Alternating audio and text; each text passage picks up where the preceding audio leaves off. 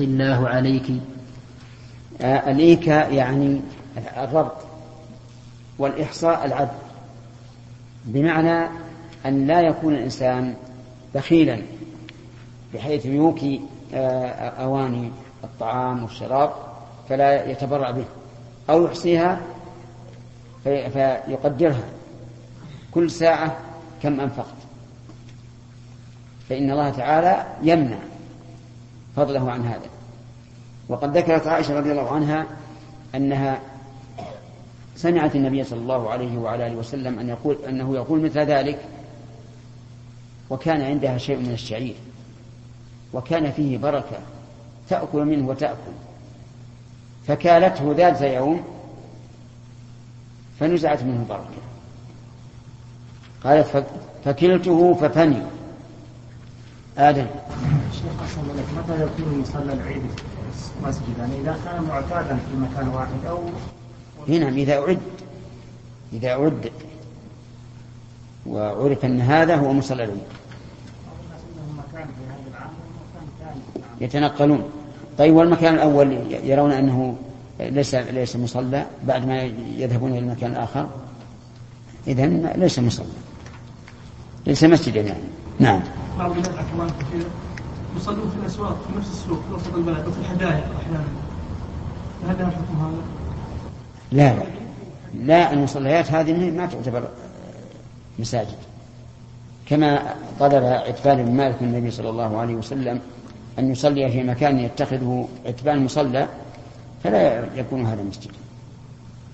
وهذا يوجد أيضا المصليات توجد في بعض الدوائر الحكومية وفي بعض المجالس لا سيما مجالس النساء فلا يكون لها حكم المسجد نعم. باب الصدقة فيما استطاع. حدثنا أبو عاصم عن ابن جريج وحدثني محمد بن عبد الرحيم عن حجاج بن محمد عن ابن جريج قال أخبرني ابن أبي مليكة عن عباد بن عبد الله بن الزبير أنه أخبره عن أسماء بنت أبي بكر رضي الله عنها أنها جاءت إلى النبي صلى الله عليه وسلم فقال لا توعي فيوعي الله عليك. لا توعي فيوعي, فيوعي الله عليك. ارضخي ما استطعت. باب يعني تصدقي بما استطعت بدون أن توعي أو توكي أو تحصي. باب الصدقة باب باب الصدقة تكفر الخطيئة. حدثنا قتيبة قال حدثنا جرير عن الأعمش عن أبي وائل عن حذيفة رضي الله عنه أنه قال قال عمر رضي الله عنه أيكم يحفظ حديث رسول الله صلى الله عليه وسلم عن الفتنة؟ قال قلت أنا أحفظه. كما قال قال إنك, قال إنك عليه لجريء. فكيف قال؟ قلت فتنة الرجل في أهله وولده وجاره تكفرها الصلاة والصدقة والمعروف. قال سليمان قد كان يقول الصلاة والصدقة والأمر بالمعروف والنهي عن المنكر. قال ليس هذا قال ليس هذه أريد. ولكن القائل ليس هذه أريد هو عمر رضي الله عنه. ولكني أريد التي تموج كموج البحر. قال قلت ليس عليك بها يا أمير المؤمنين بأس. بينك وبينها باب مغلق. قال فيكسر الباب أو يفتح. قال فيكسر الباب أو يفتح. قال قلت لا بل يكسر. قال فإنه إذا كسر لم يغلق أبدا. قال قلت أجل. فهبناه أن نسأله من الباب. فقلنا لمسروق سله. قال فسأله. فقال عمر رضي الله عنه. قال قل قال قلنا فعلم عمر من تعني. قال نعم كما أن دون غد ليلة وذلك أني حدثته حديثا ليس بالأغاليط. يعني معناه أن المسلمين إذا تقاتلوا وقعت الفتنة بينهم فإنها لن تغلق. وهذا هو الواقع. منذ سل السيف المسلم منذ سل السيف المسلمون بعضهم على بعض صارت الفتنة. وقولك كما أن دون غد ليلة في بعض الألفاظ كما أن دون غد الليلة. يعني معناها أني متيقن هذا كما أتيقن أن الليلة قبل غد. اسأل. أنا الله هل يقال يعني؟ نعم. في خارج مكان للمصلى كيف؟ إيش؟ في خارج مكان المصلى يعني آه في البيت يعني. لا مكان خاص يعني للمصلى في البيت؟ ها؟ يعني خارج. للعيد لصلاة العيد؟ صلاة العيد. إي نعم. سنة. سنة نعم. حتى يعرف المكان ويأمه الناس. نعم. ها؟ لا هذا اللي قبل خمس دقائق. نعم. باب من تصدق في الشرك ثم أسلم. حدثنا عبد الله بن محمد قال حدثنا هشام قال حدثنا معمر عن الزهري عن عروة عن حكيم بن حزام رضي الله عنه أنه قال قلت يا رسول الله أرأيت أشياء كنت أتحنث بها في الجاهلية من صدقة أو عتاقة ومن صلة رحم فهل فيها, فهل فيها من أجر؟ فقال النبي صلى الله عليه وسلم أسلمت على ما سلف من خير. الحمد لله. هذه نعمة. والإسلام كله بركة. إذا أسلم الكافر فأعماله السيئة يمحوها الإسلام. كما قال الله عز وجل قل للذين كفروا إن ينتهوا يغفر لهم ما قد وأعماله الصالحة المتعدية من صدقة أو عتق أو صلة رحم تكتب له. لا تضيع. لقوله أسلمت على ما سلف من خير. وفي لفظ على ما أسلفت من الخير. وهذا مقتضى قوله إن رأس قوله تبارك وتعالى إن رحمتي سبقت غضبي. ولولا هذا لكان الكافر يؤاخذ على عمله السيء ولكنه لا يخلد في النار إذا نعم لكان الكافر إذا أسلم يؤاخذ على عمله السيء إلا أنه لا يخلد في النار ولا يحاسب على عمله الصالح. لكن الرحمة والحمد لله سبقت سبقت الغضب ها؟ قوله كنت أتحنث بها. نعم. يعني أتعبد بها. هل؟ هل يشترط من الكافر أن ينهيها أنها عبادة؟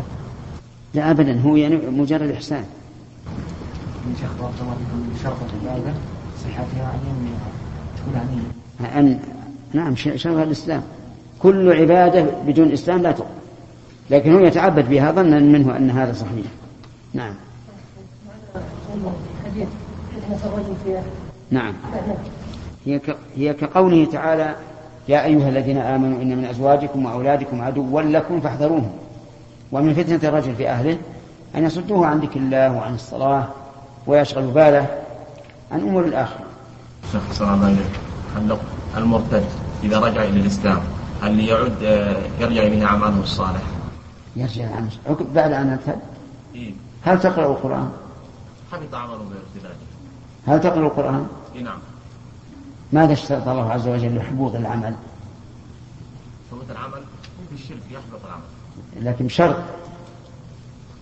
ومن يرتد منكم عن دينه فيموت. وهو كافر فأولئك حبطت أعمالهم. فإذا أسلم عادت إليه أعماله الصالحة بعد ارتداده يا شيخ. نعم؟ ارتد على علم يا شيخ. ارتد على علم. ولكن الله هداه للإسلام. فرجع إلى الإسلام. ترجع إليه أعماله الصالحة عرفت وابن حجر رحمه الله في, في النخبة يقول إن الصحابي من اجتمع بالنبي صلى الله عليه وسلم مؤمنا به ومات على ذلك ولو تخللت ردة. يعني لو أن هذا الصحابي ارتد ثم رجع إلى الإسلام فالصحبة باقية. ها تعرف- عرفت. إيه عرفت. تعرف لله. بعضهم لم يرتد هذا إذا يبطل. كيف؟ تعرف بعضهم الصحابي لم يرتد. إيه، بشرط أن يقال ول- لم يرتد وبقي على ردته وتركه الصحبة. لا ما انتهى. لا لا. اللي معي. نعم. جزاكم الله خير. بالنسبة لهذا الحديث هل هو مخصوص أو أنه يخص حديث قول عليه الصلاة والسلام إنما الأعمال بالنيات؟ أيهن حديث أسلمت على ما من خير لأن الاعمال تحتاج إلى هو أرائي هو, هو عنده نية يتحنث بها يتعبد بها لله. أي نعم هو يتعبد بها. حتى الكفار يتقربون إلى الله تعالى بالأعمال المتعدية كالصدقة والإحسان وما أشبه ذلك. نعم. لا إله إلا الله. هل يمكن لأحد أن يعمل عملا بلا نية؟ أنت الآن حينما سألتني. هل نويت أن تسألني أو لا؟ نعم. أجب. نويت نعم. هذه. قال بعض العلماء لو لو أن الله كلفنا عملا بلا نية لكان من تكليف ما لا يطاق. وصدق. أي إنسان عاقل مختار يفعل فعلا فلا بد أن ينويه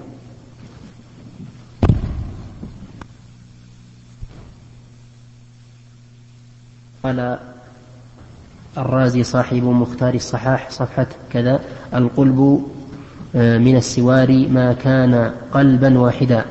قلت وقال الأزهري ما كان ما كان قلت من قال هذا؟ نعم. القلب من السوار ما كان قلبا واحدا. قلت وقال الأزهري ما كان قلبا واحدا. يعني ما كان مفصولا من طاق واحد لا من طاقين انتهى. قال صاحب المعجم الوسيط القلب السوار يكون نظما واحدا وعربي القلب أي محض وخالص وهي قلب وهي قلب وقلبه انتهى. قال صاحب المكتار الخرص والخرص بضم الخاء وكسرها الحلقة من الذهب والفضة. وقال صاحب المعجم الوسيط الخرص والخرص هو الحلقة من الذهب والفضة والفرق بحبة واحدة. وفي الحديث أن النبي صلى الله عليه وآله وسلم وعظ النساء وحثهن على الصدقة فجعلت المرأة تلقي الفرص والخاتم انتهى لكن ذكر لي الأخ سمير أن يقول الحلقة في الأذن. الخرص الحلقة في الأذن. و... و... ولا تزال الآن. حتى إلى وقتنا هذا اللي يعلق بالأذن يسمونه خروصا. بارك الله فيك. بسم الله. بسم الله الرحمن الرحيم. الحمد لله رب العالمين. صلى الله وسلم على عبده ورسوله نبينا محمد وعلى آله وأصحابه أجمعين. قال الإمام أبو عبد الله البخاري رحمه الله تعالى في كتاب الزكاة من صحيحه. آه، سبق في باب من أحبت عليه الصدقة من يومها أن هذا هو الأفضل أن يعجل الإنسان بالصدقة لأنه لا يدري ما يعرض له. ولكن تأخيرها للتحري في مستحقها لا بأس به حتى ولو كانت زكاة. نعم. باب من تصدق في الشرك ثم أسلم. نعم. باب أجر الخادم إذا تصدق بأمر صاحبه غير مفسد. حدثنا قتيبة بن سعيد قال حدثنا جرير عن الأعمش عن أبي وائل عن مسروق عن عائشة رضي الله عنها أنها قالت قال رسول الله صلى الله عليه وسلم إذا تصدقت المرأة من طعام زوجها غير مفسدة كان لها أجرها ولزوجها بما كسب وللخازن مثل ذلك. وهذه من نعمة الله عز وجل أن الله تعالى يثيب ثلاثة ثلاثة. الخازن والمرأة تصدق والزوج يكتسب. كل الثلاثة يؤجرون. ولكن هذا ما لم يمنعها الزوج من الصدقة فإن منعها فإنه لا يحل لها أن تصدق. وكذلك قال الفقهاء رحمهم الله أو تشك في رضاه فإنها لا تصدق. لكن إذا غلب على ظنها أنه يحب الصدقة وتصدقت وإن لم تستأذنه فلها أجر. فهو الآن إما أن يأذن لها وإما أن يمنعها والحكم في هذا عجيب. واضح. إن أذن لها فتصدق وإن منعها لا تصدق. حتى لو كان بقية لو كان بقية طعام. وقالت أخشى إن بقي فسد. فإنها لا تصدق به. إذا كان منعها. الحالة الثالثة أن يغلب على ظنها إذنه بذلك وفرحه به. فهنا إيش؟ تتصدق.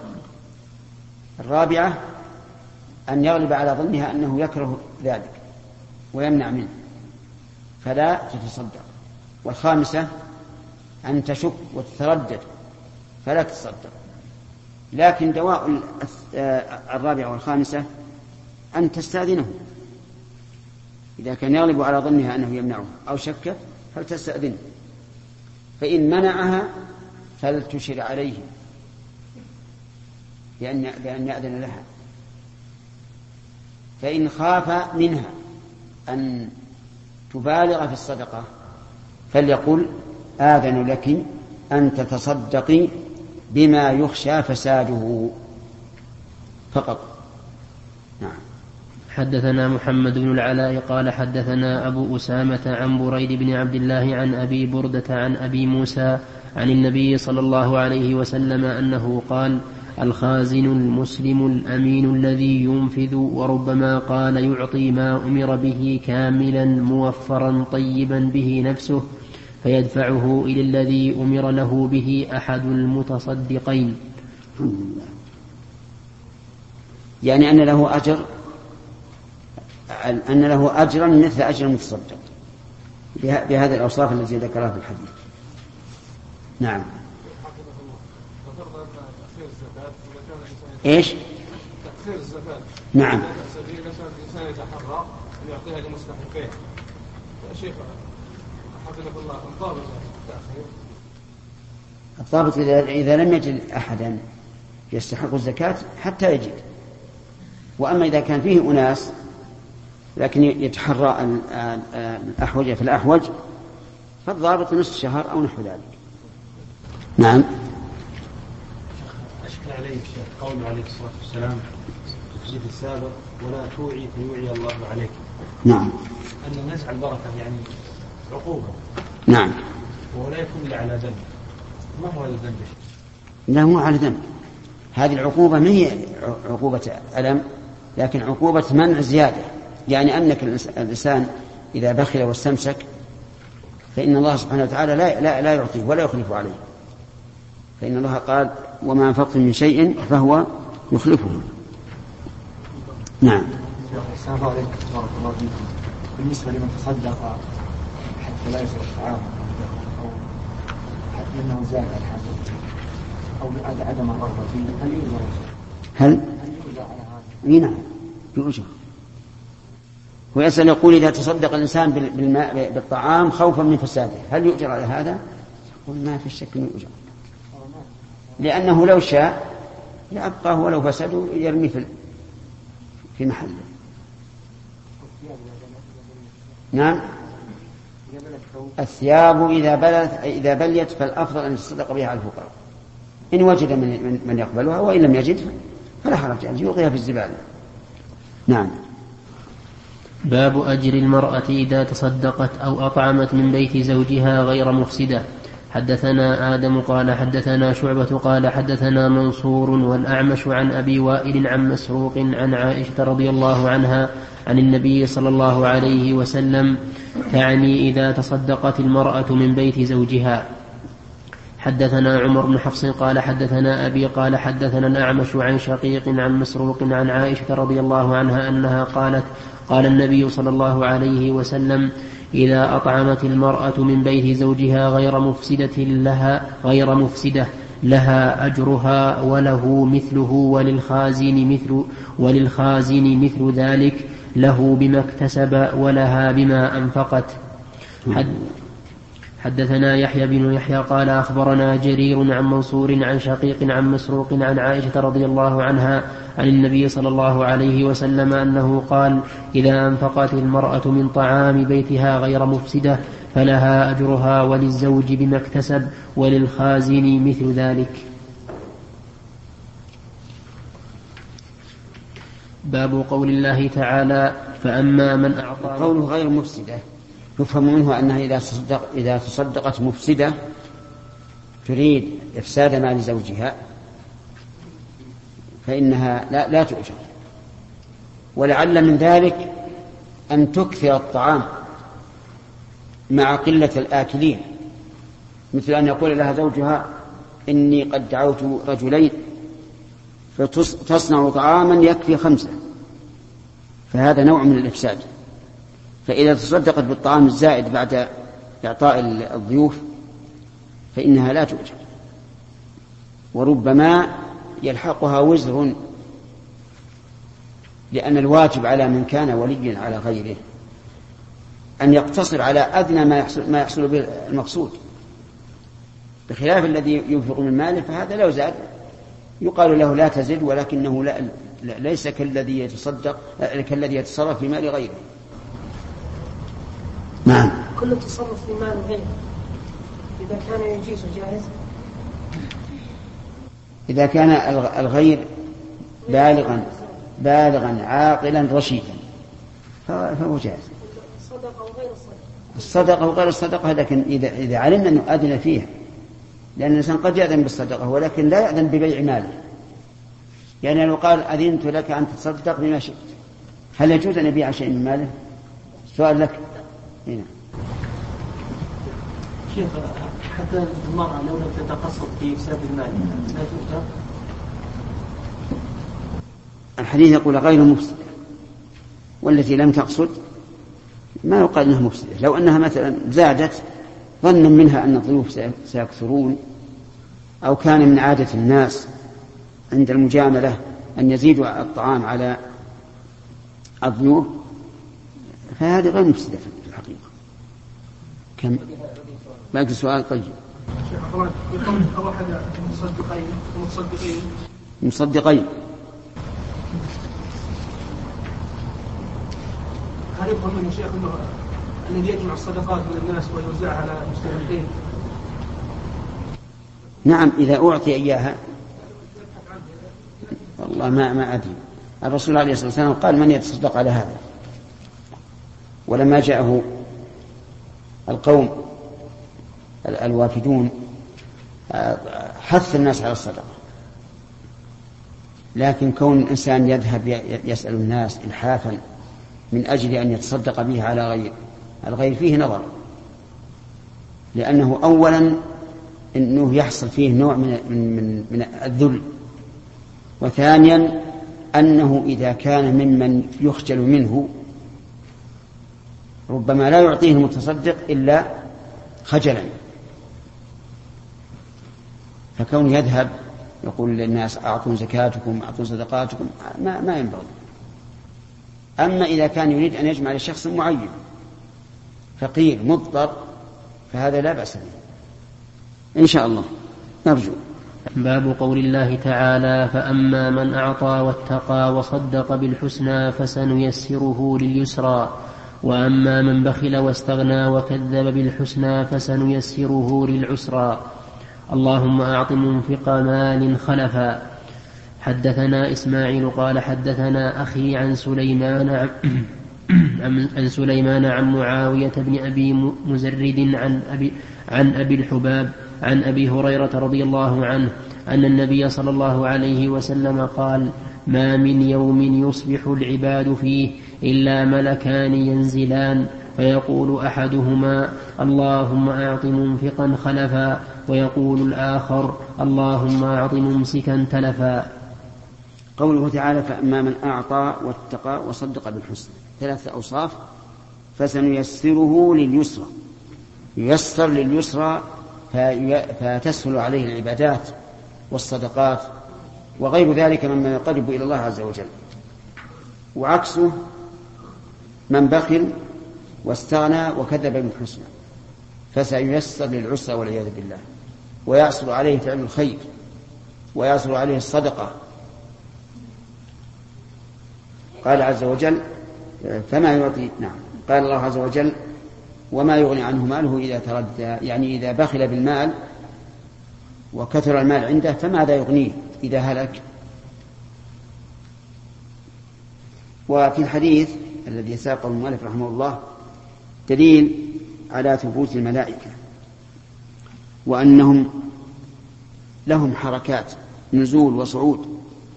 وقد ذكر الله في القرآن أنهم أولي أجنحة.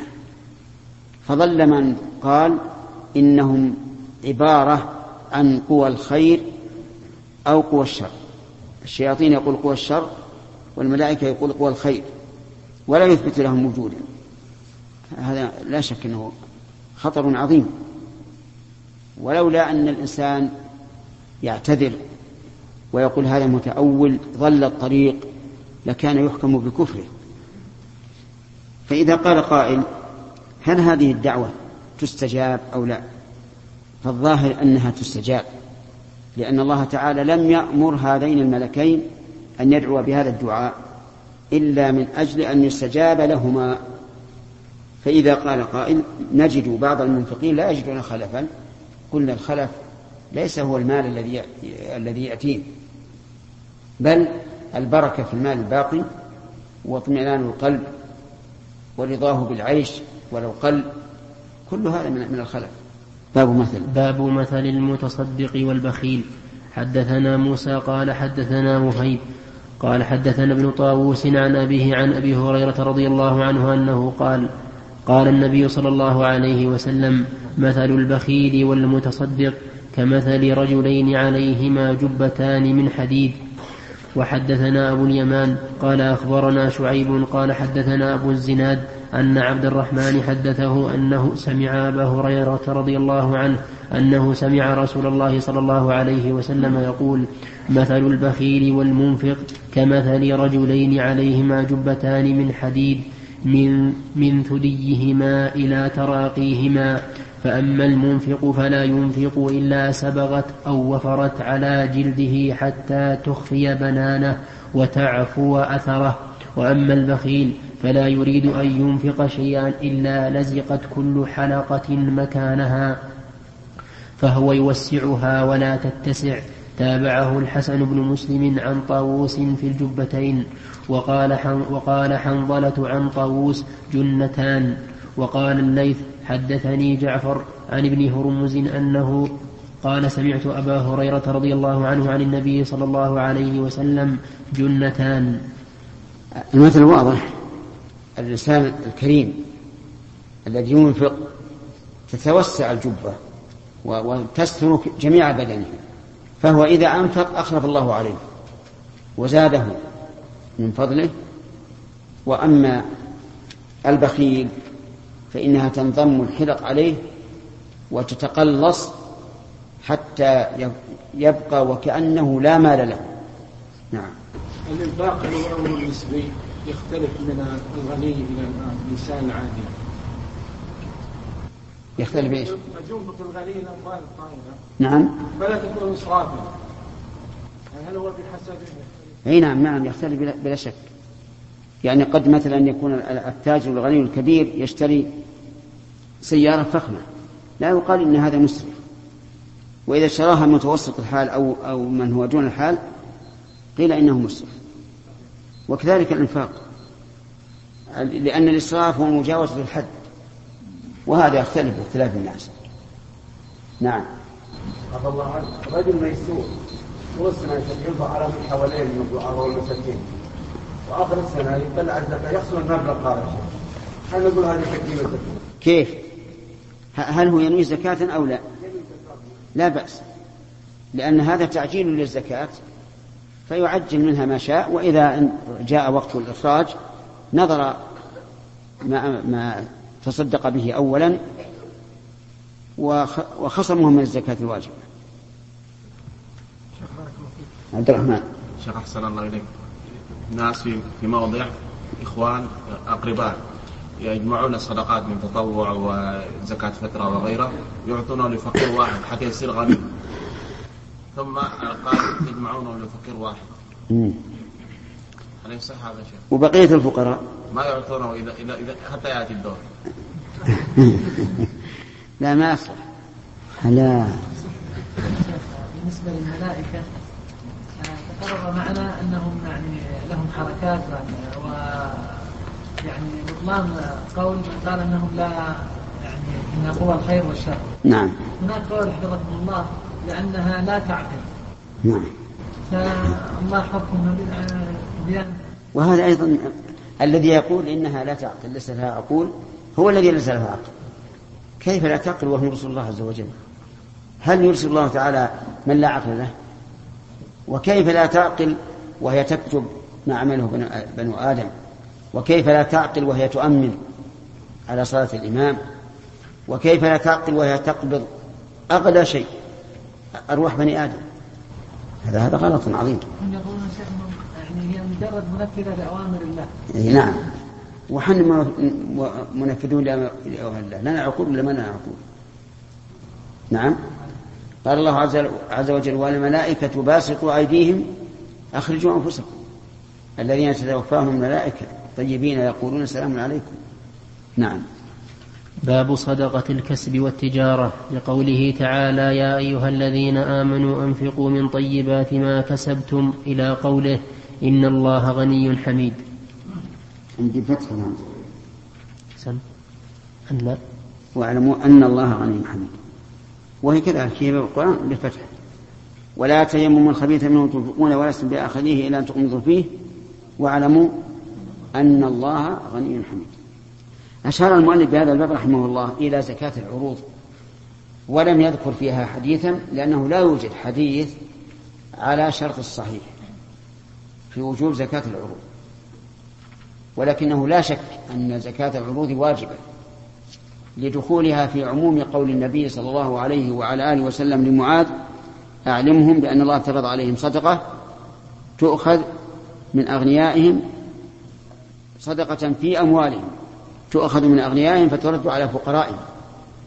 ولقول النبي صلى الله عليه وعلى آله وسلم ليس على المسلم في عبده ولا فرسه صدقة. والعجيب أن هذا الحديث استدل به من لا يرون وجوب زكاة العروض ومن يرون وجوب زكاة العروض. والأسعد بالدليل من قالوا إنه يدل على وجوب زكاة العروض لقوله في عبده أي عبده الذي اختصه لنفسه ولا فرسه أي فرسه الذي اختصه لنفسه. وعروض التجارة الإنسان عنده عبيد للتجارة. هل اختصهم لنفسه عجيب يا جماعة.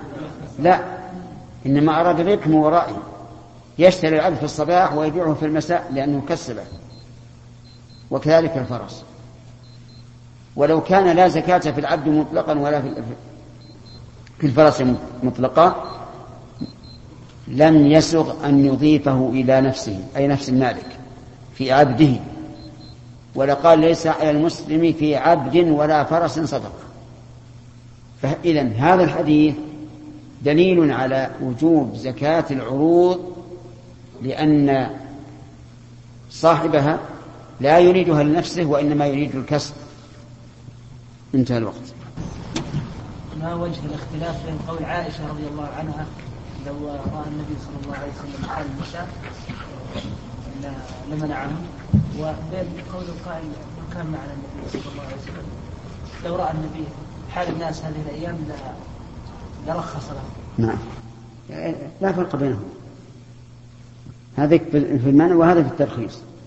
المهم أن كل منهما قول على الرسول بلا علم صلى الله عليه وسلم. لكن لو قال القائل إنه إن من قواعد الشريعة أن الشيء المباح إذا أفضى إلى محرم منع صحها. أما أن يقول على الرسول عليه الصلاة والسلام. هذا ليس بسديد نعم. بارك الله فيك. اصبر وصابر ترى كلامك هذا جهاد بالنسبة لإخوانك. أقرأ من الباب. باب إذا تحولت الصدقة. إيه. هو يقول في آخر الزكاة. إيه نعم. ها؟ هذا هو كله. طيب تفضل. قوله قال ابن حجر رحمه الله في باب إذا تحولت الصدقة قوله إذا تحولت الصدقة في رواية أبي ذر إذا حولت بلفظ أوله أي فقد جاز للهاشمي تناولها. قوله حدثنا خالد وهو الحذاء والإسناد كلهم كله بصريون. قوله هل عندكم شيء من الطعام؟ وقوله نسيبة بالنون بالنون والمهملة والموحدة مصغر. اسم مصغر اسم مصغر اسم مصغر اسم اسم أم عطية. قوله من الشاة التي بعثت بفتح المثنات أي بعثت بها أي بعثت بها أنت. بعثت نعم أي بعثت بها أنت. نعم. قوله بلغت محلها أي أنها لما تصرفت فيها بالهدية لصحة ملكها لها انتقلت عن حكم الصدقة فحلت محل الهدية وكانت تحل لرسول الله صلى الله عليه وسلم بخلاف الصدقة كما سيأتي في الهبة. وهذا تقرير ابن بطال بعد أن ضبط محلها بعد أن ضبط محلها بفتح الحاء وضبطه بعضهم بكسرها من الحلول أي بلغت مستقرها والأول أولى. وعليه عول البخاري في الترجمة وهذا نظير قصة بريرة كما سيأتي بسطه في كتاب الهبة. ثم ورد المصنف حديث أنس. انتهى أقول انتهى نعم. الظاهر معنى بلغت محلها يعني معناها أجزأت وملكتها نسيبة ثم تحولت بالهدية إلى رسول الله صلى الله عليه وعلى آله وسلم فتوافق قصة بريرة. في شيء قوله قال العيني رحمه الله قوله فقد بلغت محلها بكسر الحاء أي موضع الحلول والاستقرار يعني أنه قد حصل المقصود منها من ثواب التصدق ثم صارت ملكا لمن وصلت إليه. وقال ابن الجوزي هذا مثل قوله صلى الله عليه وسلم في بريرة هو عليها صدقة وهو, وهو لنا هدية. الحمد لله. آه النبي صلى الله عليه وسلم لا تحل له صدقة التطوع ولا الزكاة وتحل له الهدية وآل النبي صلى الله, صلى الله عليه وسلم ورضي عنهم لا تحل لهم الزكاة وتحل لهم الصدقة على القول الراجح. وقيل لا تحل لهم. وغير آل النبي تحل لهم الزكاة والصدقة والهدية والفرق واضح. أما النبي صلى الله عليه وعلى آله وسلم فلأنه أجل وأعظم من أن يتلقى صدقات الناس. لكن الهدية تكون للإكرام وللتودد. ثم إن المتصدق يحس من نفسه أنه أعلى من ممن من؟ المتصدق عليه والمهدي بالعكس يهدي ليتقرب إلى المهدى إليه ويتودد إليه فبينهما فرق. وأما الزكاة فلأنها أوساخ الناس كما قال النبي صلى الله عليه وعلى آله وسلم لعمه العباس فلا تحل لآل محمد والصدقة تحل لهم وأما سائر الناس فالأمر ظاهر أن الزكاة تحل لهم وكذلك الصدقة وكذلك الهدية نعم. بعض طلاب العلم المتفرغين من أهل البيت نعم. هم في حرج عندما تأتي الزكوات وليس لهم مصدر دخل غير هذا. فما حكم حكم الله؟ القول الراجح في هذا أنه أن لهم أن يأخذوا من الزكاة كما اختاره شيخ الإسلام رحمه الله. قال إذا كان آل البيت ليس لهم شيء في بيت المال فإن أخذهم من الزكاة خير من كونهم يتكففون الناس أو يستدينون على على ذممهم. وما قاله رحمه الله هو الحق. لكن بعضهم حسب ما سمعنا يموت من الجوع أو يأخذ الدين وهو لا يأخذ الزكاة. يقول إنه من أهل من أهل من أهل البيت. فيقال الحمد لله ضرورة تبيع المحظورات. نعم. أحسن الله إليكم وصف النبي صلى الله عليه وسلم للزكاة بأنها من أوساخ الناس. نعم. أو أنها أوساخ الناس. نعم. هل هذا شيخ في آل البيت أو لكل الناس؟ لكل الناس. خذ من أموالهم صدقة تطهرهم. فهي كما أن الماء إذا غسل به الإناء فالمتناثر وسخ. وبه يحصل التطهير.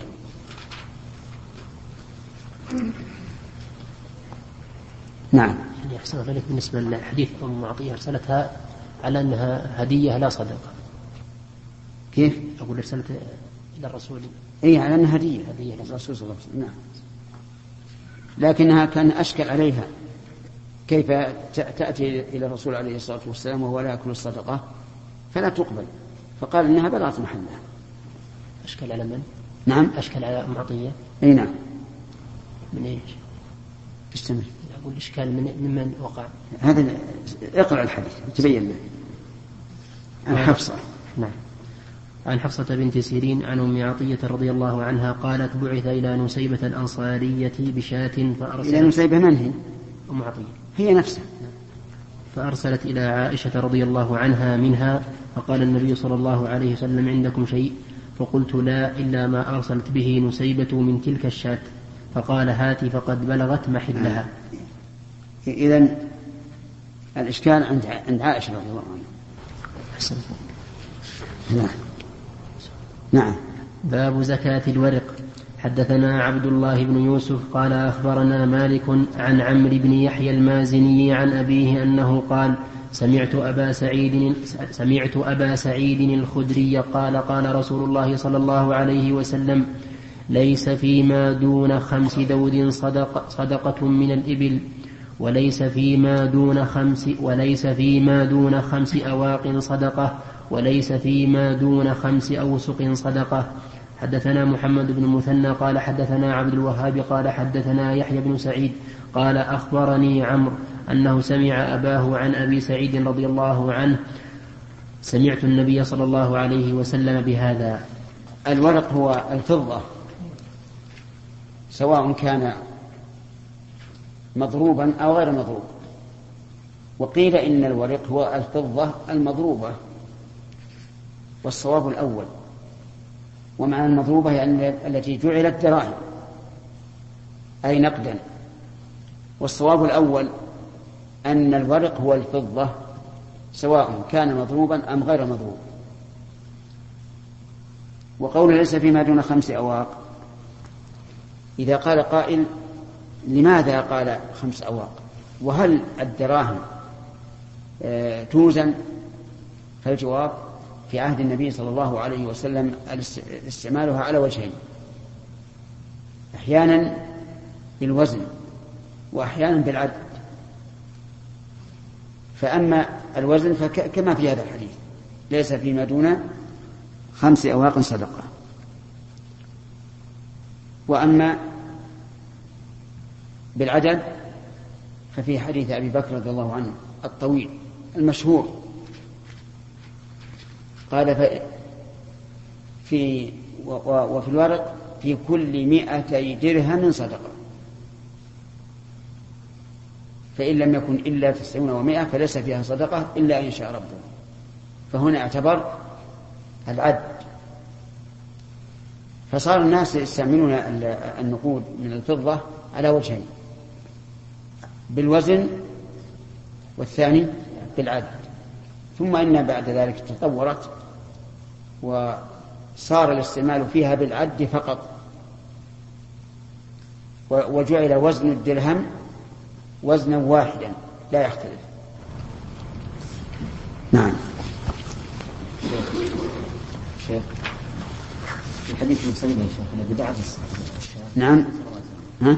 في حديث المسيبة نعم. الذي بعث الشاه والنبي صلى الله عليه وسلم. أنه بعث بعث الشاه إلى مسيبة رضي الله عنه. ومع ذلك أرجعت إليه. معلوم أن هذا لا لا ما مو في رواية مسلم وفي رواية ذكرها عن نعم. رواية ذكرها اللي عندنا؟ من الشاة التي بعثت بها. لا عندي إلا ما أسعد فيه نسيبة الثاني في الباب الثاني يا شيخ. نعم.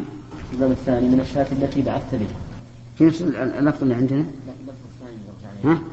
الباب الثاني رجعنا إليه. الباب الثاني وين فيه؟ اللي قرأنا منه. اللي حالنا عنه الحافظ في آخر كتاب الزكاة. أي نعم. فيه رواية. إيه؟ آه إلا شيء. أيها الإخوة لم يتم التعليق في هذا الشريط ويمكن إتمامه في الشريط الذي يليه.